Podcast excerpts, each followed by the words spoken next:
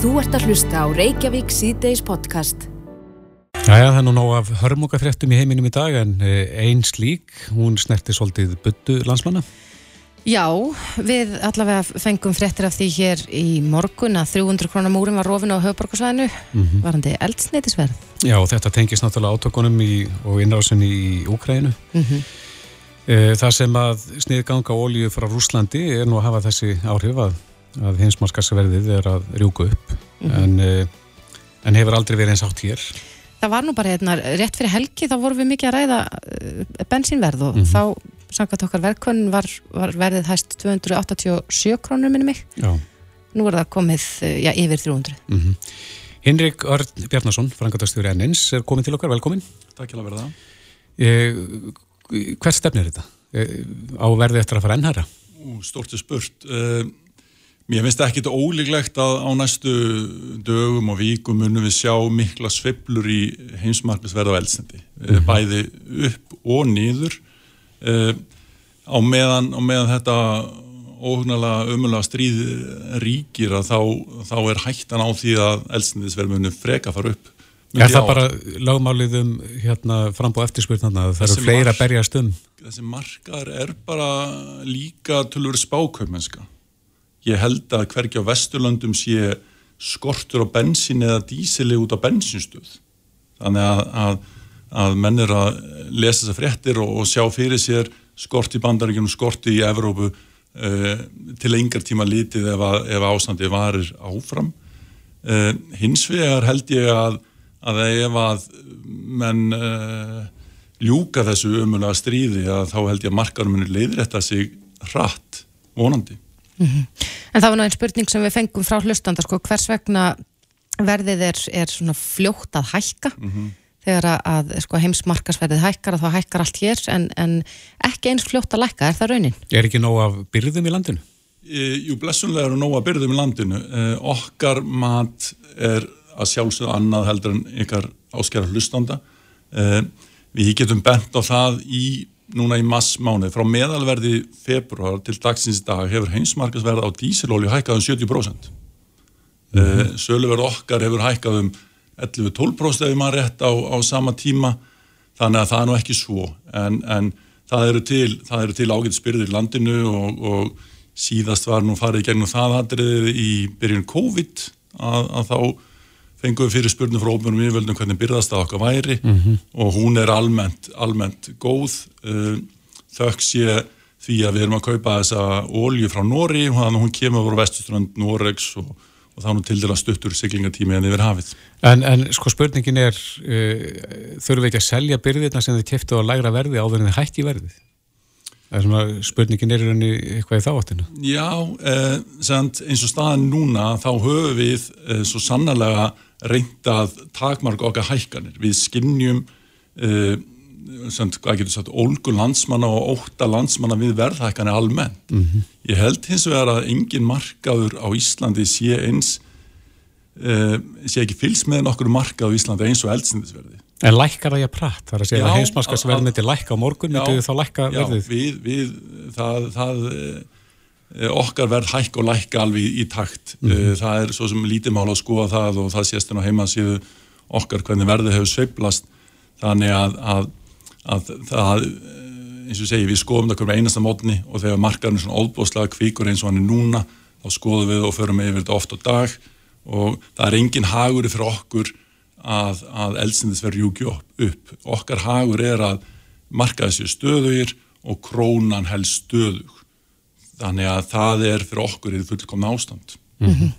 En eh, auðvitað alls heimsins er á ástandinu í Úkrænu núna og það eru mikið talað um það að Rúsland flytur auðvitað út gríðarlega mikið magna af ólju. Mm -hmm. er, erum við að, að hér á Íslandi að versla rúsneska ólju? Nei, við kaupum eins og sagði á hann alla okkar ólju sem að ennett selur uh, frá Equinor sem er norsk félag sem er 67% eigur norska ríkisins.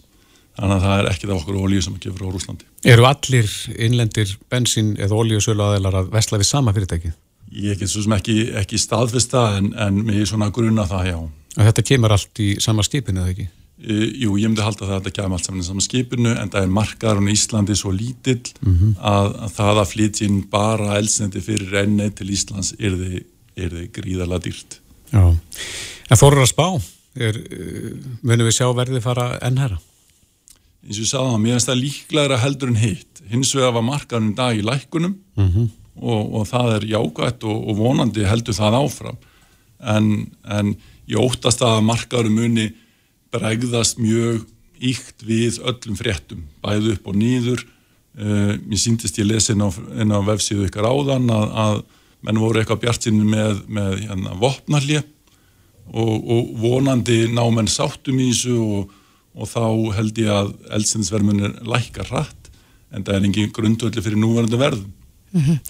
Runolfur Ólarsson, frangotastjóri FIB var í vittalinn á Vísi í dag og, og þar segir hann að, sko, að eldsneitisverð á Íslandi hafi bara hreinlega aldrei verið svona hátt. Er, er, er þetta ykt viðbröði ástandinu eða, eða hvað? Uh, eldsendisverð á Íslandi endur speiklar að sjálfsögðu bara þróun heimsmarkasverð og olju. Uh, ég, ég held að viðbörðun okkar séu ekki íkt og, og ef eitthvað er eins og sagða á hann höfum við reynd mjög hvað við getum að, að draga úr þeim hækkunum og þeirra hækkuna þörf sem að raunverulega er í markanum. Uh, eins og sagða á hann 70% hækkun á dísilolju á, á hvað tveimu vikum, það, það er gríðalegt mm -hmm. og, og framlegð okkar er ekki það mikil að hún að við getum hreinlega gleift 70% hækkanir en það væri það mjög óeðlegt framlega okkar væri mjög óeðlileg ef við gætum bara gleift 70% hækkanum á þess að hækka verð. Er tjaldið, þegar að segja ríkistjaldið á bensinlítran með oljulítran er það í prosentum? E, bæði, það virðis eitthvað skattur og svo er, er, er först, först álarning per lítra. Mm -hmm. Þannig að staðan í dag er að þetta er 40, 70, 49% ef ég maður rétt uh, af, af hvernig seldun lítra er, er ofmurgjöld. Já, það er gott að vera rafbíl í dag. Já, þú getur fengið líka mjög gott rafmagn frá, frá hann Já, er, er þetta, mun þetta flýta svona ástandi eins og núna með það íta fólki hraðar yfir í rafmagnið? Ég, ég held að, að eins og vestu lönd standa fyrir núna þá held ég að þetta munir að hraða að við þurfum að skoða okkar orkumál og og ég held að svona gríðarlega hátt eldsendisverð, já, munið þróa að flýta þessari þróun mm -hmm. saman hverju rafbílar eða aðri orkugjafar við þurfum, að, þurfum orkugjafa flugvilar við þurfum orkugjafa á, á flótan okkar gámaskipin og allt þetta þannig að, já, ég myndi telja það að, að þessar óbúslu söflu sem við sjáum leði til þess að þróunum verður hraðari Já Við vonum allavega að verðhækkanirnar verð ekki mjög miklar en Henrik Örn Bjarnason, framkvæmdastjóri N1, kæra þakki fyrir komuna. Takk hjá það. Þú ert að hlusta á Reykjavík C-Days podcast. Jæja, Reykjavík C-Days heldur áfram. Eh, það er frumvarp komið inn í samráðskáttina mm -hmm. sem að miðara því að veita lágröglu eh, meiri og ríkari heimildir til þess að berjast stipulegri glæpastafsimi. Akkurat það tala um að grípa til aðgerða í þá afbróta varna mm -hmm. og Já, þetta er þetta eins og margt annað ekki óumdeilt en þarna er, er lögurglann fá ríkari heimildir. Það var nú fjallað um það í dag að einhver, einhverjir tólka þetta sem svo að, að hér verði lögurglu ríki Já. eftir þessa breytingu. Emitt, Jón Gunnarsson, dómsmálar á þeirra er komið til okkar, velkomin. Takk fyrir, góða dag. Uh, hver er svaraðu því? Er verið að breyta Íslandi í lögurglu ríki? Nei, nei, nei, nei fásina er þetta stundur sem grýpar umræðina sko, einhver, eitthvað auka fólk er fram með svona vittlis sko. þetta er einfallega þannig að eh, eðli glæpastar sem hefur breyst mjög á undanförnum áru, bara eins og við þekkjum. Og það hafa komið hér út skýslur svo síðastæði desember frá Ríkislörglustjóra sem að gefur okkur í raun guðlaspjaldið í viðbröðum okkar við skipulaðari glæpastarsemi og það er eins og við þekkjum starfsemi sem að stendur kannski um peningaþvætti mannsal og eitulifjasölu svona þessa, þessa, þessa skipulögu starfsemi á þessum alvarlegu brotum sem virða engi landamæri. Og uh, við erum að færa reglurna sem að lauruglan hefur til þess að bregðast við þessu í áttina því sem er í okkur, okkar. Eh, við förum alls ekki eins langt eins og uh, víðaskvar er í Evrópu í heimildum lauruglu uh, alls ekki og uh, vill einhver kalla Norðurlöndin laurugluríki eða önnur þau lönd sem við erum að bera okkur sama við? Það er náttúrulega endur speklar hvuslands hérna, vittlis að þetta er að vera að tala um þetta á þessum nótum og reyna að vittla um fyrir fólki. Sko þetta það sem er grundvallaratir í þessu er að uh, uh, lauraglan í dag hefur heimildir til þess að fylgjast með fólki og rannsaka fólk sem að er, er raukstutur grunur um að hafi brotið af sér í ákveðnum málum. Það verður að vera alltaf vel skilgrend. Eh, það sem við erum að vika hér út eru heimildir til þess að lauragland geti verið að fylgjast með fólki sem að grunur er um að sé að brjóta af sér. Ég sá í fréttablaðinu að þetta var, hafði eitthvað svona skólastil þar í umfjöllun í morgun þar sem það var sagt að þetta væri aukin réttur til þess að fylgjast með almenningi og svo framvegis. Mm -hmm. Það eru þetta alls ekki þannig. Það er miskilningur í því. Þetta er fyrst og fremst og engöngu þar sem að grunur er um það að hópar eða einstaklingar séu að stundabrótast þar sem í án þess að það sé raukstutur grunur um ákveði brot. Mm -hmm. Snýst þetta þá í grunin bara um hvort það sé raukstutur grunur eða reynilega bara grunur? Já, það má ég alveg segja það, það er svona skilgreinið þetta svolítið. Mm -hmm. Og það ef það er raukstutur grunur um ákveði brot, en þarna er, sem sagt, ef það er grunur um það að ákveðnir hópar eða einstaklingar séu í brota starfsemi. Mm -hmm og þetta byrtist okkur til að mynda í, í, í þeirri staðarind að okkar lauruglu yfirvöld vinna mjög náið með lauruglu yfirvöldum kannski fyrst og fremst í Evrópu og alveg sérstaklega í Skandinavíu og fá upplýsingar þaðan oft og tíðum. Uh, til að mynda um það að á Íslandi sé komið fólk eða sé á leiðinni til Íslands sem er undir eftirliti á þeim vegna þáttöku þeirra í skipulegri glæbarstarfsemi eða í brotastarfsemi.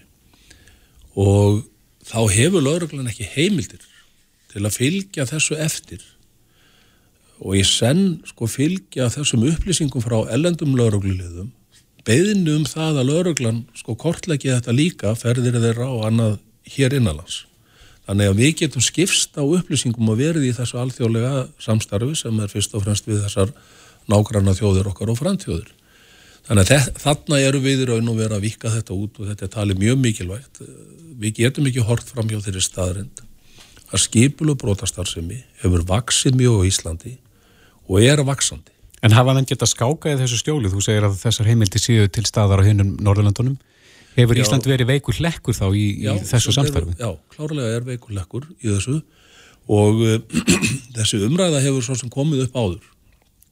Uh, það var talað um þetta stundu sem einhverja forvirkar heimildir og við munum nú kannski eftir því að þá fór umræðan svolítið út um víðanvöld og, og á hliðina og hérna nú vonast ég til þess að það sé bara góðu skilningur á þessu og ef að menn kynna sér þessar skýslur sem hafa verið að koma út frá lauruglustjóra um stöðuna í þessu málum að þá áttaði þessu alvarleika málsins og mikilvægi þess að við grípum til rástafana bara til vendar íslenskum borgurum sem að lögjastlanu þetta snýst fyrst og fremst um. Mm -hmm.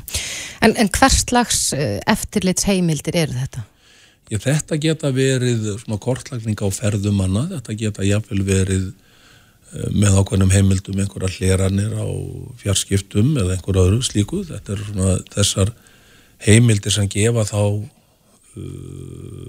gefa lauruglunum þá stöðu hún getur verið að, að fylgjast með og þá jafnvel að koma í veg fyrir að brotin eigi sér stað. Og, og þá upplýst um það ef að brotastarsemin er í uppbyggingu og gripi þar með, þar með inn í En þeir sem að gaggrina þetta, þeir óttast að þetta veri misnótað, er, er girt fyrir það eitthvað staðar í fyrirvarpinu að það sé hægt að, að misnóta þetta vald? Já, við teljum það vera og það hefur auðvitað verið sett á fyrir ekki svo langu síðan sérstök eftirlitsnemnd með störfum lauruglu sem er mjög virk og hún hefur auðvitað mikið hlutverk í þessu og misnótkun á þessu sem að ég hef persónulega engar ágjur af að eigi sér stað hjá lauruglunni svo það sé tekið fram, ég tristi lauruglunni algjörlega til þess að fara með þessar heimildir eins og aðrar heimildir sem þeir fara vel með í sínu störfum en uh, það er þetta bara mjög alvarlegt ef að slíkt kemur en við erum með þess eftirlitsend, hún er mjög virk í sínum störfum og, eh, og hérna, við ætlumst til þess að hún hafi í þessu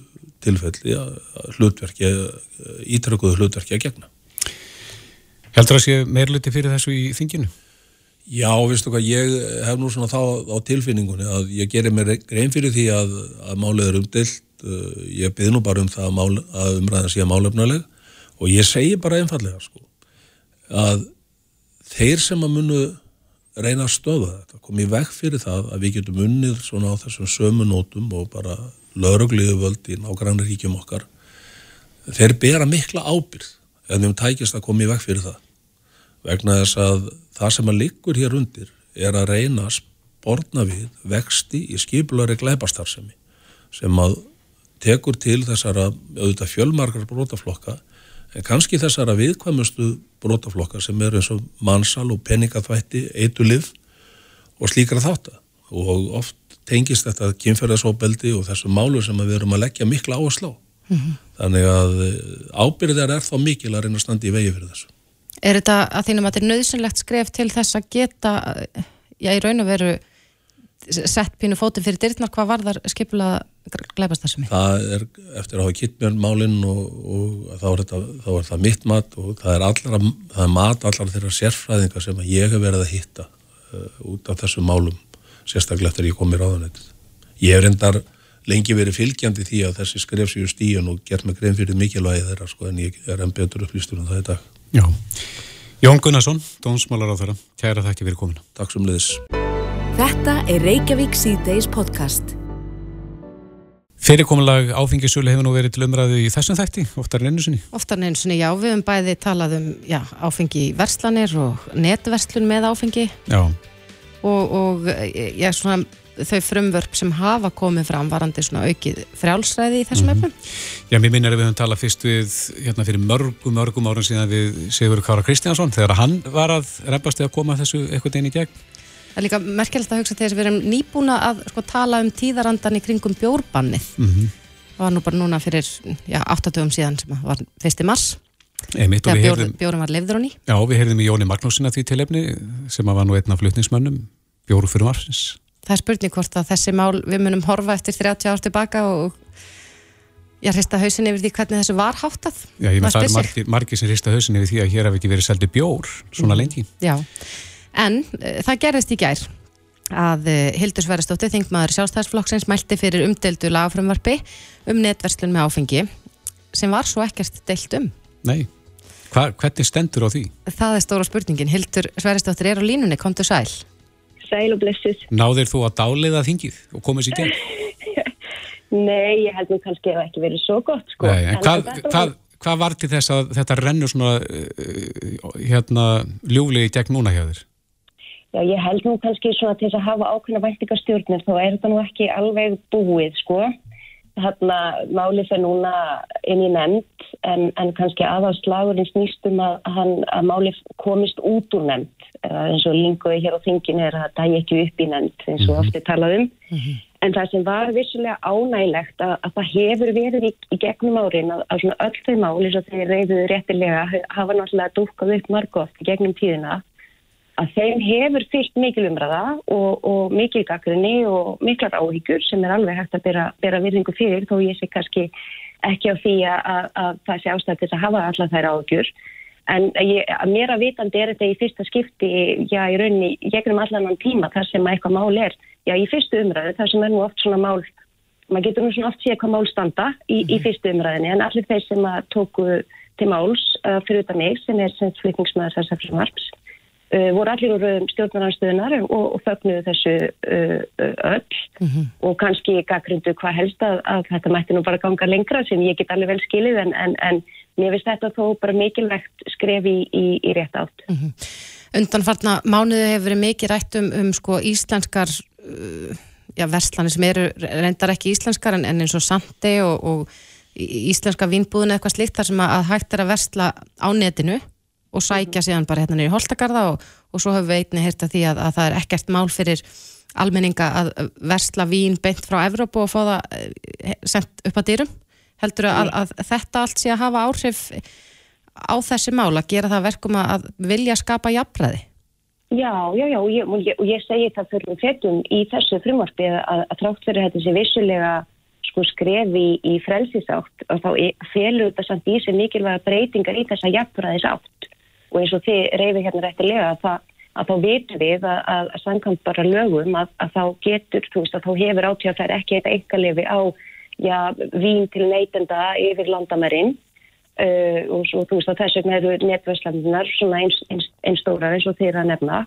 Og mér þykir því bara sjálfsagt jafnræðis mál, kakvart öllum okkar fínu já, allir þeim fínu íslensku aðalim sem er að búa til, eh, veist, bjór og, og vín og, og, og svona þeir, að, að þessir aðalar hafi sömu tækifæri til þess að, senda í netvislun uh, til fólks sem getur hvort þið er keift sko í gegnum ellenda netvislun og fyrir mér þetta svona algjörst jafnræðis verður svona grundvallar aðri þannig að það er eins og segi fremsið er reitt en núna er þetta bara staðan sem er uppi og mér þykir bara skilta okkar að bregðast við því því þetta er bara mjög ósækjant gafat okkar innlendu aðlug finnst mér Hverju spáur um meðferðina í þessari nefndi og í hvaða nefndi er, þetta komið núna?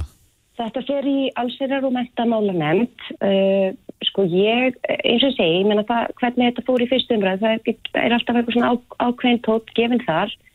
Ég vona mjög mikið að, að þetta komist út úr nefnd, eins og sagt er, og til þess að þetta komist inn í fingsal. Því að í gegnum öll árin og því miður ára tíuna, þegar þessi mál hafi verið sett á daskra og þá hefur í rauninni aldrei almenlega verið látið reyna á lestur þingheimsins. Þú veist, hvar standa þessi mál nákvæmlega í hugum þingmann?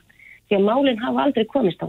Nei. Og ég held að, að það sé komið tíma til þess að við bara, við hérna, stöndum bara heiðarlega gagvart í hva, hvers konar skrefi hvað við viljum taka og þetta er bæðið í þessu sig og þetta mál þarna þetta líka stýst um jafnbræðið þeirra sem er ekki bendilega heimageng, geta pantað allar aðrar, aðrar vörurnetunni en ekki þetta en gætu gert það elendis frá og það er bara einhvers konar einhver skringilegheit sem ég heldur eftir að stemma stíu við þannig ég á vona á þingheimur samþykja þetta ég verða að segja eins og þess. Já, þannig að svona til að streku undir að þá snýst málið um það að uh, það er hægt í dag hér á Íslandi að panta vín á netinu en ekki af innlendum aðilum og, og þetta snýst um það að jafna þessa stöðu.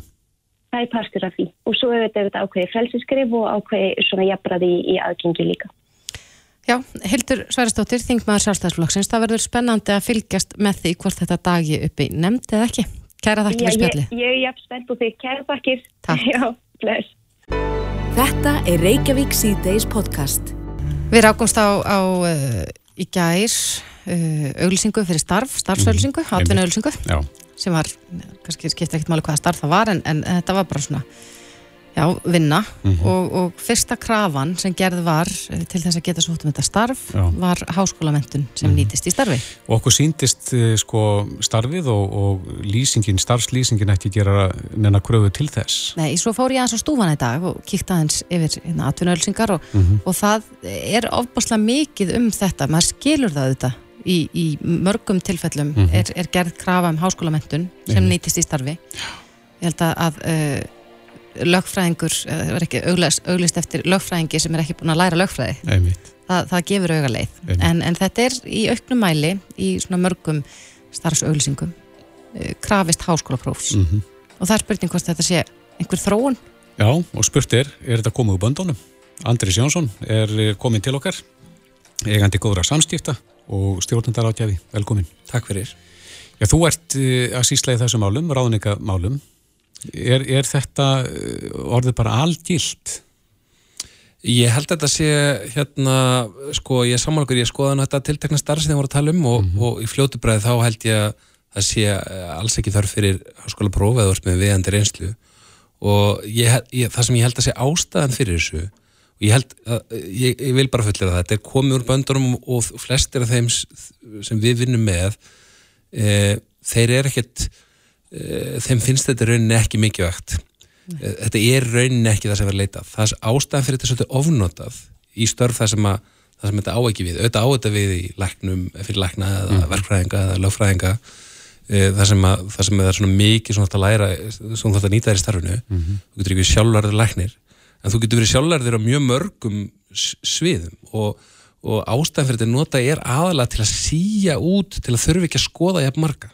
Það er það sem fólk er aðalega að horfa á og þetta hefur náttúrulega fyrst og fremst haft þann e, í gegnum tíðina og ennþann það í dag að þetta, hvað sannar eitthvað háskólapróf? Hvað segir bara svona eitthvað almennt háskólapróf viðskiptafræði, þú veist bara hérna markasfræði, stjórnmálafræði sakfræði, veist e, og svo, svo framvegis mm -hmm. e, og það segir að þú hafir e, valið eitthvað fag, hafir áhuga því og hafir sett þrjú ár og síðan kannski önnur tvö ef þú fórst í út á smistrarnám í það að kynna þetta fag en það segir mjög lítið um hversu vel þú getur nýttir þetta starf um þína hæfilega í starfi mm -hmm. hversu getur miðlaðisar þekkingu nýttir hana haldið henni við og flestir sem að við tölum við aðvillifinu er sammálum það að mjög margar háskólagráður úrældast mjög hrætt í dag. Bara því þekking á mörgum sviðum hefur bara farið svo veist, við erum ekki að fástu sömu hlutin í markasfræði og vorum að gera fyrir 5 eða 10 árum.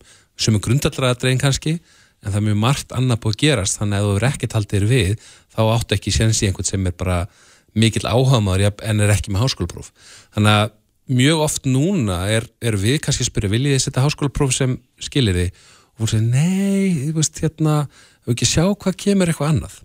Og mér vil eiginlega hvetja fólk mér finnst þetta mjög góð umræða vegna þess að ég held að mjög margir Eh, sem ekki eru með viðæðandi háskólapróf eða, eða breyfild ekki með háskólagráðu, kannski einhvað háskólanám eða kláruð ekki eða, eða fóru aðra leið og náðu sér í þekkingu gegnum reynslu og vinnu að sækja samt um ef ykkur finnst starfið þetta er þetta innan marka það er svolítið skríti kannski að sækjum að vera hagstofustjóri mm -hmm. skilur þú að þú ert búin að vera bara fókbóltaþjálfur í tíu ár eða eitthvað, þú veist að Veit. Eh, stundum gerir fólk það en ef þú finnst þú eitthvað í starfið farðu bara rauk fyrir því í í hérna, kynni, uh, kynningabrifinu og, og þú, það er náttúrulega mjög skritið að senda inn og þú uppfyllir ekki kröðunar og þú áarpar það hverki, þá spurjum við oft byrju, þessari sækjum hættu og svo skritið okkur vil að fara þetta starf? Þú þarfst að útskýra, Heri, ég er bara búin að starfa með mjög tengt svið, ég er búin að vinna með mörgum að þessu svið, mér finnst ég vera bara jafnvíg úr þeim, við höfum verið að fástu sumu verkefnin. Mm -hmm. og fólk á að gera miklu meira því og, og, og vinnuvitindur vilja almennt náttúrulega ekki fæla hæfa umsækjutur frá. En er, það er vinna að fara gegnum umsóknir, það er vinna að tala um marka þannig að stundum er ótrúlega létt að setja kröfum, háskólagröðu þó séu að algengar segja sko eða sambarlega þú veist, eh, þekkingu eða mentun sko. Mm -hmm. Hvernig er þetta í landunum í kringum okkur? Er, er þetta eh, svipu þróun þar að, að, gerð sér krafa um háskólamentun?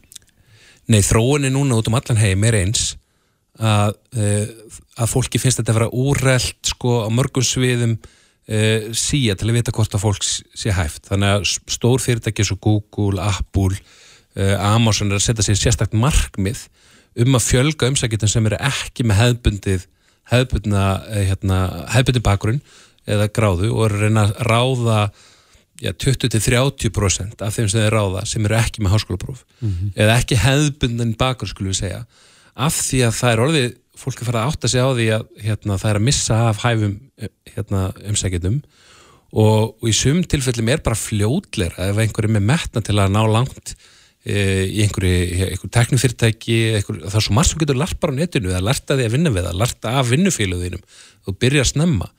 Þannig að það er, það er mjög vermað þekking þar sem að, sem að þú fæli burt með því að setja kröfum háskólapróf og, og þau eru það bara meðvita farin að vinna í þessu. Mm -hmm. Ef þú segir að, að hérna, þetta geti fælt frá uh, getur þetta fælt frá rétt aðilan sem hefðu hugsanlega sótt um ef, að, ef að þetta hefði ekki verið krafan? Ekki spurning og það, það er uh, veist, ráðningar eru og þess vegna hef ég svo mikið áhugaðum að þau eru ekki mjög nákvæm vísindi það er vitað að 25-50% af ráðningar ákvarðunum eru rángar skiljið Er það bara staðrind? Já, maður er svona að vinna, já, það eru margar ansóknir á baku þetta og, og reynsla að, að við erum kannski, við erum að vinna bylunni 50 til 75% 80% hérna, við viljum vera nær 75% heldur um 50% í því að taka réttar ákvarðin og þá mælt í því hvað er rétt ákvarðin er viðkomandi en þá í starfi 12 mánuðin setna, 24 mánuðin setna Uh, veist, uh, það getur stundu vilja úr áður hæfan aðalann sem hefur umveruleiki áhuga að vinna hérna og fer snemma og, og fyrirtæki líta, eða vinnustæði líta líka á það sem misefnaða ráðningu. Þannig að við erum að reyna að finna uh, hérna gott mats, við erum að reyna að fá fólk sem er með réttu þekkinguna en líka passa henni í teimi og mér veist mjög oft núna mjög algengt að, fólk, að þeir sem eru að ráða segi ég er ekkit endilega að leita einhverjum með þessa mentun eða einhverjum uh, hérna, kannski að viðkomandi getur larta mm -hmm. en er með aðra eiginleika veist, er kannski öðruvísa heldur við að því að nú eru allir færðar að vinna miklu meir í teimum mm -hmm. eða hópum, teimi er svona frasa orð, þetta er bara já, vinna saman í hóp innan fyrirtæki og innan vinnustöða og þá þurfum ekki allir um sömu þekkingur, það getur mikil veikleiki mm -hmm. en þú þart fólk sem að en með ólíkan bakgrunn reynslu, við vorum til að vinna í einni ráðningunum um daginn, eða erum þetta ennþá að vinna í einni það sem var sagt, já við erum eiginlega öll á svipum aldri, við værum kannski til að fá einhvern svona með góða stefnarnþekkingu kannski eitthvað með 55-60 sem er kannski ekki sem maður heyri nú oft mm -hmm. þetta er hópur sem ásætti erfitt uppdráttur á vinnumarkaði mm -hmm. En, en allir eru frættan átt að þessu við þurfum fjölbreytt fólk og, og í rauninni, veist, það er gerbreytt fyrst mér, eða veist, ekki með háskólamentun það er svo margar aðra leiðir til að e, sanna hvað í því spunni og kannski það sem að fólk gerir samt ekki sem ekki með háskóla það er með svona eh, finnst, er með svolítið komplex yfir því, alltaf svona, hæ, ég á að fara að drífa með að klára þetta eða, já, ég er nú ekki hérna, ég get nú bara sótt um þess og þessi störf, en það sem og er kannski of lengi á sama stað meðan að önnur leið til að sína uh, hvað í því spunni og hvað áhuga þú hefur, af því að allir þurfa að endur nýja svona þekkingu hvort sem er og vera að vaksa og þróast í starfi, er að fara bara að finna einhverstaðar tækifær til að byrja mm -hmm. þá getur þú sagt til því, jú, ég er búin að vera reyndar ekki hérna hjá sín en ég var að vinna hjá hérna um, segjum bara mannlífi eða einhverjum minni miðli mm -hmm. ég var að vinna hjá stundinni, ég var að vinna hjá kjarnanum að ég fekk tækifær þar til að sanna mig að mikið áhuga á svona umfyllinum uh, veist, þær hafa fengið svona svona mikla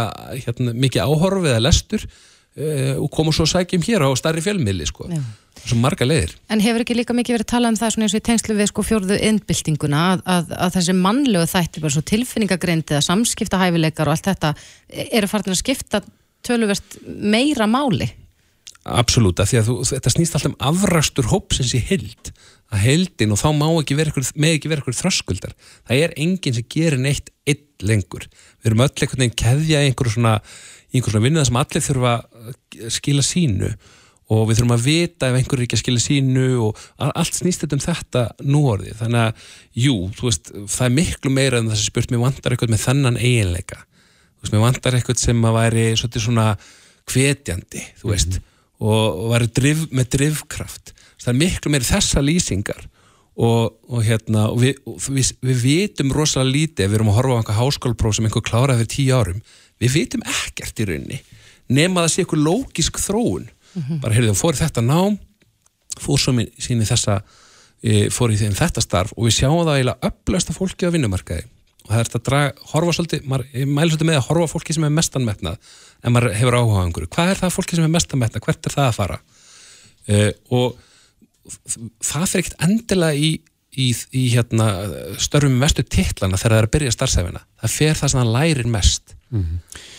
En þín ráleiting, heyrðis mér, svona ef ég hef hlusta rétt á það, er að fólk uh, sæti samtum þó að sé ekki með uh, mentunina. Þetta er krafa, ekki nema að sé þá verið að áskvæfti lækni eða eitthvað slíku, en að fólk láti bara vaða.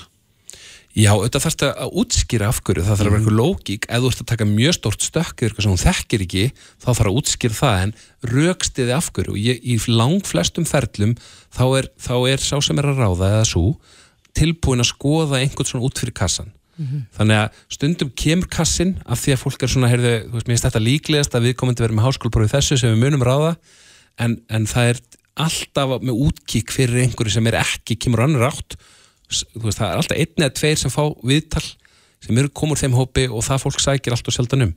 Og þess vegna sé ég, mér finnst þetta að vera þróun þó þú segir hún sé að aukast þá finn ég það hjá metnaðarförstu vinnuvitundunum opiðbörum og, og enga að það er hort minna á þetta sem síu og hort meira á aðra hluti. Og það er til með að koma núna svona, ég sá að Króper í hérna íslenska fjárfæstikafyrirtækið, Króper í Kapital þau voru að fjárfæst í dönsku teknifyrirtæki sem var að fara að stað sem heitir Feeds eða Afreg og það er samfélagsmiðl þar sem fólk getur haldið auðvitað um vinnu afregin sín. Svolítið eins og LinkedIn en maður bara fókusar það ekki endilega á hvað starfið þú ert, heldur hvaða verkefni þú varst með, hvað hópið þú varst hluti af. Þannig að það er fullt af fyrirtækjum en að leysa þetta nýjan hátt. Háskólaprófið er svolítið útleið sem aðgrinning, það er mjög mikið til ákveðnum fögum og, og háskólaðum er sem búin að fatta þetta, þannig að þeir eru færðin að hugsa núna að eftir örfa ár þá verður ekki lengur kraðum að taka eitthvað þreymur árum þú getur tekið eitthvað á sex mánuðum, svo getur þú bætt við í sjö mánuðum, svo fyrir að vinna með okkarnir þrjú ár, svo kemur aftur og vinnur ert í háskóli fjóra mánuði mm -hmm. og svo sapnar saman í alls konar gráður vegna þess að þetta er ekki besta leiðin lengur til þess að menta fólk og til þess að vitna um hvað það getur gert. Það er, það er mikil degli í þessu, þannig að ef þú ert ekki með háskólapróf en ert góður okkur sviðum eða með góða eiginleika þá, þá, er, þá er heimurinn að fara að vera hérna, meira leitaður heldur en hefur verið. það eru góða fréttir. Andris Jónsson, eigandi góðra samskipta og stjórnundaraðgjafi. Kæra þakki fyrir komuna. Takk. Reykjavík síðdeis á Bilginni podcast. Reykjavík síðdeis klukkuna vantar 10 mínútur í 6 og örlítið af viðhóskonunum. Við mm -hmm. spurðum núna síðasta sólaningin hvert er uppáhaldsatriði í söngvakefninni og Reykjavík dættur, það er höfðu sigurinn í Já. okkar konunni það meista 32% cirka, var það ekki? einmitt, Já. og svo komu sýsturna þrjár Mm í öðru seti með 29% þannig að ég spái því að þetta verði hörð kefni Ég er greiðlega spennt allavega. Já. en við spyrjum aftur á bæti núna næsta sólringin og við ætlum að ræða það nánar hér á eftir upp klukkan 6 eh, um eh, vinnuna og spurningin er hvort viltu freka stitta vinnudaginn eða vinnuvikuna Þetta er mjög spennandi. Það verður gaman að sjá niðurstöðunar þessu á morgun. einmitt En nú ætlum við að snú okkur aðeins uh, í vegamálin. Já. En uh, við rákumst á frétt hérna á, á vefsíðu Ríkisútvarpsins þar sem segir að til að hægt sé að halda úti ferðamennsku um allt land, allan á sér ring, þarf að taka vegakerfi til gaggerar endurskoðunar að mati framkvæmda stjóra Markastofu Norðurlands og það er hún Arnhiður Jóhannsdóttir og hún er á línunni í dag. Kom til sæl Arnhiður. Sælablössið. Já, þið fyrir norðan, þeir eru auðvitað með margar náttúru perlur, er, er erfitt aðgengi á þessum ástíma? Já, það er í rauninni meiri hluta vetrar, þá er aðgengið að náttúruperlanum okkar stærstu söglónum ekki neitt vegna þess að það er ekki mokstur af þessum perlum og þetta eru staðir eins og Dettifoss og allir denatsringurinn, þetta eru kvítsjarkur og uh, fleiri staðir þar sem að við getum hreinlega ekki seld uh, aðgengi að þessum náttúruperlum, við getum ekki treyst í að, að menn komst. En er það eitthvað tilgangur í því að vera að byggja upp uh, ferðarþjónustu og, stækka kökunar en að fá fleiri til landsins þegar að það er ekki að sinna þessu fólki? Já, það er kannski, ferðarþjónustan er í rauninni, ef við horfum á svona tíman fyrir COVID, þá erum við í rauninni ekki endilega að reyna að fjölga ferðarmenn, heldur þá til þess að fara víðar um landið og einmitt sinna en vel. Og það er í rauninni engin tilgangur yfir að fara, að fara í markasátök og reyna að fá ferðarmenn til þess að koma norður að við geta ekkit skoðað, það sem þeir koma til þess að skoða. Og, og eru kannski að setja sig í hættunni að fara að keira vegi þar sem þeir festa sig eða að keira út af uh, út af vega aðstæðum af því að við erum, við erum auðvitað líka að tala um uh, sumartíman, við erum bara að tala um malavegin okkar líka, við erum með vegi eins og Vassnesi og Melvarkarsléttina uh, Dalsminni og fleiri stæði þar sem að menn bara geta ekkert kert lengur á venjulegum bílum og það er mjög vond staða ef við ætlum að fara að byggja ferðarþjónustuna og gera fyrirtækjan og kleft að vera með heilsársrekstur. Þannig að við erum að kalla eftir úrbótum á þessu. Já, þið viljið að, að, vegakerfi verði tekið til gaggerar endurskoðunar bara í heilsinni. Já, og að menn fara að horfa svolítið á ferðarþjónustunum allt land sem atvinningurinn og skipilegja vegakerfið og þjónustu vegana út frá ferðarþjónustunni, út frá ferðum hennar líka uh, og, og hérna, byggja upp vegina sem að við þurfum á að halda til þess að geta þá nýtt landið okkar vel. Við höfum auðvitað heyrt hérna undanförni mikið um, um lokanir á vegum og, og höfum talað helling um það hér. Er, er ástandið slemt fyrir norðan? Já, við erum í sjálf sem með uh, svona góða þjónustu til dæmis á Östarsheiði og Holtavöraheiði ef ef maður er að meða við helliseiðina að, að það er fýtt mókstur þar. Það er kannski frekar leiðir sem að eru að fara sem er ekki sko alfaraleið uh, eða leiðir sem er kannski nýjalfaraleið eins og til dæmis bara nýkláraður uh, hérna, vegur af Dettifossi sem að er í rauninni þjóðvegur sem að nýtist líka fyrir fiskflutninga og auk ferðarþjónustunar. Eh, Þannig að, að hérna, já, við erum að bara að horfa á svolítið allsherjar úrbætur. Það er nú ekki langt frá því að, að, að sagt var að frá næs er flugfélaginu sem er að byrja að fljúa fyrir norðan. Já, Uh, Heldur að þetta muni breyta einhverju að, að, að það komi fleiri ferðamenn og komir hennilega beint norður að, að það muni beita þrýstingi til þess að þetta verði tekið Já. verði lagað. ég er að vona það á sama hátt og við erum að sjá úrbætur á flugvöllinum eftir því sem að flugum fjölgar inn á flugvöllin. Þá er ég að vona að þetta verði tekið þess að við erum þetta að fá vona á ferðamennum hérna um hávetur sem er að lenda á akkurar flugvölli og fara síðan að keira annarkost á eigin bíl eða í rútum og staðan er bara óásættanleg eins og hún er og hún er hættuleg uh, þegar ferðamenn fara út um allt og, og lenda í vandræðin. Þannig að já, með því að svona, með, með næsir þá sjáum við vonandi breyta ferðahæfum og þetta líka bara fleiri tækifæri hérna á Norðurlandi. Við sjáum bara fleiri fjárfæstingatækifæri. Við bara, ég og vona, við sjáum hóteluppbyggingu og fleiri afþreyingafyrirtæki byrtast þegar við ferum að fá þessa reglulegu trafika því að núna erum við þetta með bara óbáslega mikla ástíða sem er, það eru eh, um helmingur ferðamanna sem koma til eh, landsins á sumrin er að koma norður en ef við horfum á tölunar að vetja til þá er þetta ekki nema réttur umlega 10% sem er að koma norður af þeim ferðamanna sem koma til landsins. Þannig að næsum mun, mun gjörbreyta þessu Já. og kalla á breytingar.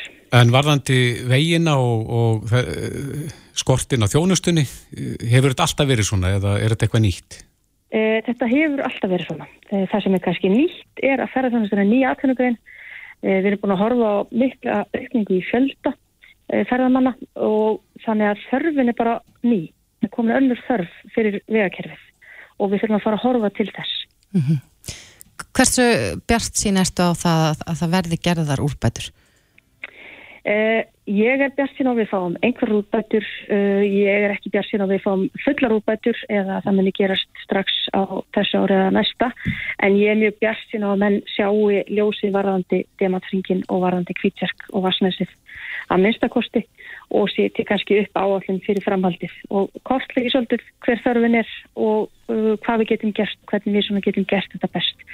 Þannig að menn eru líka, það er ekki verið að kalla eftir því að við byggjum upp góða malbyggaða vegi, eh, einhverja hérna, svona flottar brautir út um allt. Það er líka bara verið að tala um góða malavegi sem er hægt að keira varlega eftir og njóta eh, bara til dæmis náttúrstrandarlegar eh, eða njóta náttúrunar í kringum sig og það þarf að kostlega geta og horfa svolítið heilsett á þetta og svona meta líka ávinningin af ferðarþjónustunni og hverju hún er að skila ef við getum nýtt okkur allar þessar perlur sem við komist ekki að núna. Já, Arniður Jóhansdóttir, frangværtastjóri Markastóðu Norðurlands, kæra þakki fyrir þetta og slúan að, að þið fáið úrbætur í þessu. Takk fyrir það. Takk, takk, bless. Bless.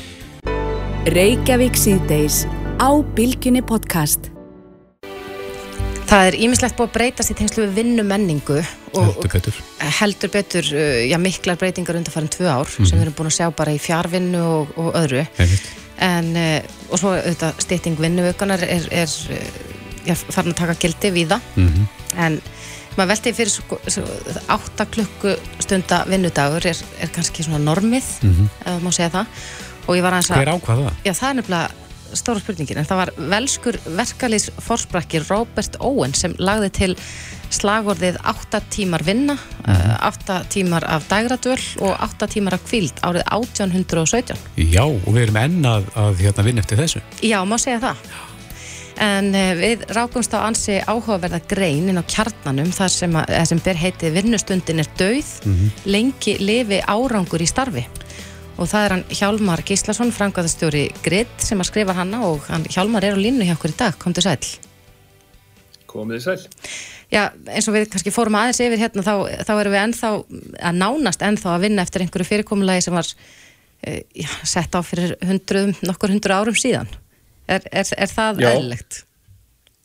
Nei, er það nokkuð? Sko, hérna, þessar pælingar kviknuði hjá okkur hérna hjá Grid út frá því að uh, við stundum er það að ræða einmitt hluti eins og styrtingu vinnuvíkunar og, og viðveru og annað slíkt. Og í hérna e, starfsamningunum sem að við gripum náttúrulega bara upp eitthvað einhverja svona staðlaða starfsamningar sem voru til og, og hérna, aðlöfum þá að okkar þörfum og þar stóð bara eitthvað um einhvern vinnutíma sem átt að byrja, ég man ekki hvað klukkan 8 eða 9 á mótnana og verið til 4 eða 5 á, á daginn. Mm -hmm. og við leitum ekkert mikið í hugana þessu. Síðan í einhverju umræðu á síðast ári þá förum við bara svona uh, velta þess aðeins fyrir okkur og komast að því við höfum aldrei talið tíma hjá nokkur manni og aldrei pælt neitt í því hvað sko hver og eitt setur í rauninni lengi við á daginn. Það er engi stimpilhugga. Það er engi stimpilhugga og, og engi sem fylgist með hvernig fólk kemur eða fer eða hvernig það sestu tölvuna þegar það er fjárvinu eða eitthvað slíkt. Mm -hmm. Þannig að svona okkur langaði aðeins bara að kík, kíkja á þetta og endur skoða það. Erum við kannski með eitthvað inn í samningunum okkar sem er algjörlega Eh, þýðingalöst og eh, fórum svona að, að hérna kafa í þetta. Og hvernig við myndum þá, ef að þetta væri ekki mælingin, hvernig er hún þá? Uh, og í rauninni þá var það kannski bara meira þannig að við þurftum aðeins að spekla hvað við vorum þegar að gera heldur en að við þurftum að breyta því uh, hvernig við værim að vinna, bara við þurftum aðeins að hugsa það hvað, hvað skiptir máli. Mm -hmm. Jú, það sem skiptir máli á endanum er að, fyrirtækið nái árangri, það er það sem að fyrirtækið sækist eftir en, en hérna e, það er líka skiptir heilmiklu máli að starffólki líði vel og það náði sínum árangri og, og, og því hérna líði vel í samstarfi við sína nánustu samstagsmenn og svo framvegis og við leggjum heilmikið upp úr teimisvinnu og, og því að starffólkinu okkar líði vel hérna. Þannig að við fórum í rauninni bara svona að, að mappa þetta svolítið út og ákvaðum þetta í rauninni að taka þess að vinnutíma skilgjöringu alfarið út úr uh, samningnum okkar en líka að passa upp á það að það myndi kvorki því að, að hér væri fólk að vinna frá, frá mótni til kvölds alla daga án kvildar nýja þetta myndi því að fólk færi eitthvað endilega að slaka og heldur færi við meira að, að svona hvetja hvort annað og, og, hérna, eh, og styðja hvort annað í því að ná góðum balans þarna á milli mm -hmm. og, og eh, bjóða upp á svejanleiki báður áttir. En þetta er kannski ekki hægt sko í öllum starfsgreinum? Nei, það er það sannlega ekki, en ég held eins og það er að við setjum upp glerugun um árangur, frekar en glerugun um að telja klukkustundir sem fólk er við vinnu, þá munum við sjá að sko, árangur fælst í langflestum uh, tilfellum í einhverju öðru heldur en því hvað einhver satt lengi við vinnuna. Sum störf uh, eru einfallega ekki, það er árangur næst ekki nema einhver sé við í 8 tíma eða 7 tíma eða hvað það er. Mm -hmm. en þau eru held ég færri og, uh, en við höldum til að er svona í upphafi og, og þeim fer fækandi mjög mikið af skrifstofastörfum eru þannig að, að það skiptir miklu meira máli hvað kemur frá starfsfólki heldur en hversu lengi það setur við. Uh, og jafnvel í svona störfum sem ég held að komi kannski fyrst upp í hugan eh, hérna, allskyns umönunastörf og, uh, og hérna Eh, afgriðstustörf og eitthvað slíkt að þá er það kannski samt ekki þannig að, að þetta sé einhver stöðu viðvera frá klukkan eitthvað til klukkan eitthvað heldur þarf hérna að, hvað við segja, að þarf að annars þá sem að þarf að annars, það þarf að svara því sem þarf að svara og það þarf að hérna, selja það sem þarf að selja. En það getur líka vel verið að það gerist í einhverjum hérna, skorpum yfir daginn eða, eða eitthvað slíkt, þannig að ég held bara heilt yfir, nei þetta gildir ekki um öll störf en ef við byrjum að horfa á störf út frá því hvað skiptir í raun og veru máli, hvert er markmiðið hérna, hvert er markmið fyrirtækisins? Uh, og hérna hvernig skipta starfsmennirinni ábyrðinu á því að þau náist uh, með sér? Að þá munum við sjá að, að þetta er miklu oftar sem að er, að er kannski eitthvað annað sem að ættum að vera að horfa á að mæla og tala um heldur en akkurat hvort að þú mættir í vinnuna á slæginu og, og fórst mínutum á snemmaðu af seint. Mm -hmm. En, en uh, þetta kallar auðvitað á miklar breytingar uh, nánast í, á öllum vinnumarkanum ef við ætlum að fara að sko kottvarpa þessu kerfi sem við höfum núna. Hvað er mikilvægast að gera til þess að þetta verði yrði farsælt? Já, sko, eh, hérna, þetta fyrir náttúrulega svolítið eftir einmitt eðli starfa á svo leiðis. Við sáum hjá okkur að það sem að skipti mestu máli væri í rauninni kannski fjóri hlutir.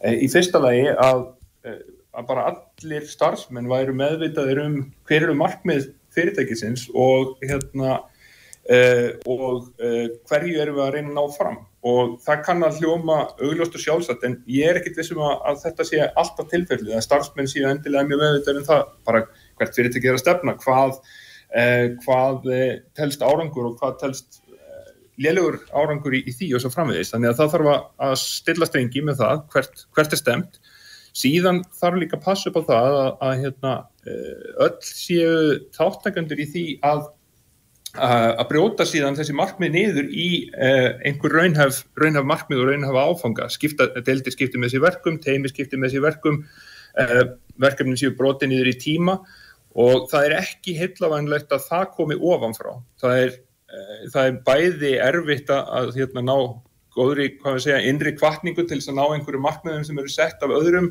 eh, og hérna þá mögulega með takmarkaða vittneski um það hvað, hvað verkefnið er stortið af flókið eða hvað þurfi til eh, og líka að, að það að finna að maður er þáttakandi í því að, að setja sér markmið eh, og komast á einhvern stað eh, er eh, miklu, miklu hérna, meira gefandi heldur en að, að láta segja sér eh, hvað á að gera. Þannig að það að starfsmenn allir teiminn og, eh, og náttúrulega stjórnendur og, og hérna, aðri sem koma fyrirtekinu séu saman þáttakandur í því að setja þessi markmið og brjóta þeir niður. Mm -hmm. skiptir líka máli.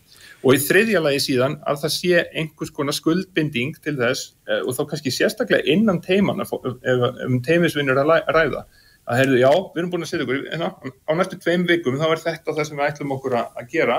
Nú ætlum við öll að draga vagnin jamt og reyna að komast á, á þennan stað og Já. þá skiptir náttúrulega tröst á milli teimismeðlima og endurgjöf að við séum dögulega að segja hvort öðru, bæðið ef við verum að vinna yfir okkur og fara illa með okkur, en líka ef kannski okkur finnst að einhver sé ekki að draga jafnin, uh, vagnin jafn, jafnt á við aðra, að, að það sé hægt að eiga opið og hinskipt samtali um það. En Hjalmar, ef að, ef að það væri nú almennu vilji til þess að breyta þessi þess áttina, að, að hérna, fækka tímum og líta frekar á afkvöstin, hvað ætti svo breyting að byrja? Er þetta eitthvað sem að verkalýsreifingin á að taka upp í kjaraviðræðum eða, eða þarf þetta að gerast hjá fyrirtækjónu sjálfum? Sko, ég, ég er ekki nokkur um aðeins það að við höfum til að sjá kerfisbreytingu í þessu yfir lengri tíma. Eh, ég hens vegar kannski hef trúið því að að uh, þeir sem eru í það á vaðið í þessu séu kannski frekar, þú veist, stök fyrirtæki uh, og hérna þar kom einhver reynsla á þetta og fólk sjáu hvað gengur og hvað gengur ekki, en auðvitað væri, það væri gaman að sjá hérna, já hvað er það að segja, hugrakt samtal um það á hérna bara vettfangi hérna samtaka á vinnumarkaði um, um það hvernig í rauninni viljum við í alvörunni hafa þetta, því að á endanum snýst þetta náttúrulega um að, að hérna hvað við segja, fyrirtekin á árangri og, og fólk náðu árangri og það sé heilbriður eh, helbit jafnvægi þannig að milli. Mm -hmm. Við höfum auðvitað séð mjög mikla breytingar eh, undanfærin tvö ári í öllu þessu COVID ástandi allt í hennu að geta flestir unnið heima sem kannski töldur svo ekki geta það áður heldur að, að þessi -hmm. breyting muni já, jafnvel flýta fyrir svona ferli?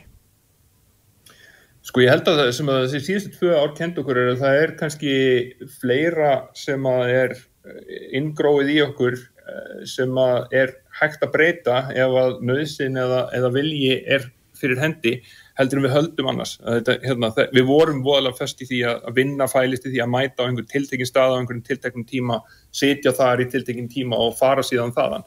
Eh, núna sáum við náttúrulega mjög öra breytingu, ég vil bara út af því að nöðsin var til, að fjárvinna varð uh, varð meiri. Það sem ég held að, að hérna, við til að sjá heilt yfir bæði, varandi vinnutíma, varandi viðveru, varandi fjárvinnu og annað, er meiri sveianleiki og meiri fjölbreytni. Mm -hmm. uh, ég er til dæmis mjög, uh, ég trúi mjög stert á það að, að teimisvinna, kannski sérstaklega skapandi vinna, hún er langt best unnin, það sem allir eru saman í Herbergi, geta slegist um pennan til þess að teikna upp á töflu og og svona hérna hort í auguna hvort öðru þegar þau eru að tala saman. Mm -hmm. Það er einfallega bara, uh, það er, það er þessi svona mannlega snerting sem næstu til því er, er best til þess að ná því en síðan eru aðrir tímar líka í skapandi vinnu það sem að langt best er að geta bara innbett sér einhver staðar í góðri vinnuðastöðu með uppáhalds kaffibólansinn og, og hérna eh, einn út af fyrir sig eh, þá til dæmis að heima. Akkurat. Eh, þannig að heilt yfir þá held ég að breytingin sé fjölbreytni og sveianleiki, frekar heldur en að við séum að fara að allir séu að fara í eitthvað annað kerfi, þá erum við einfallega bara að fara í fjölbreytari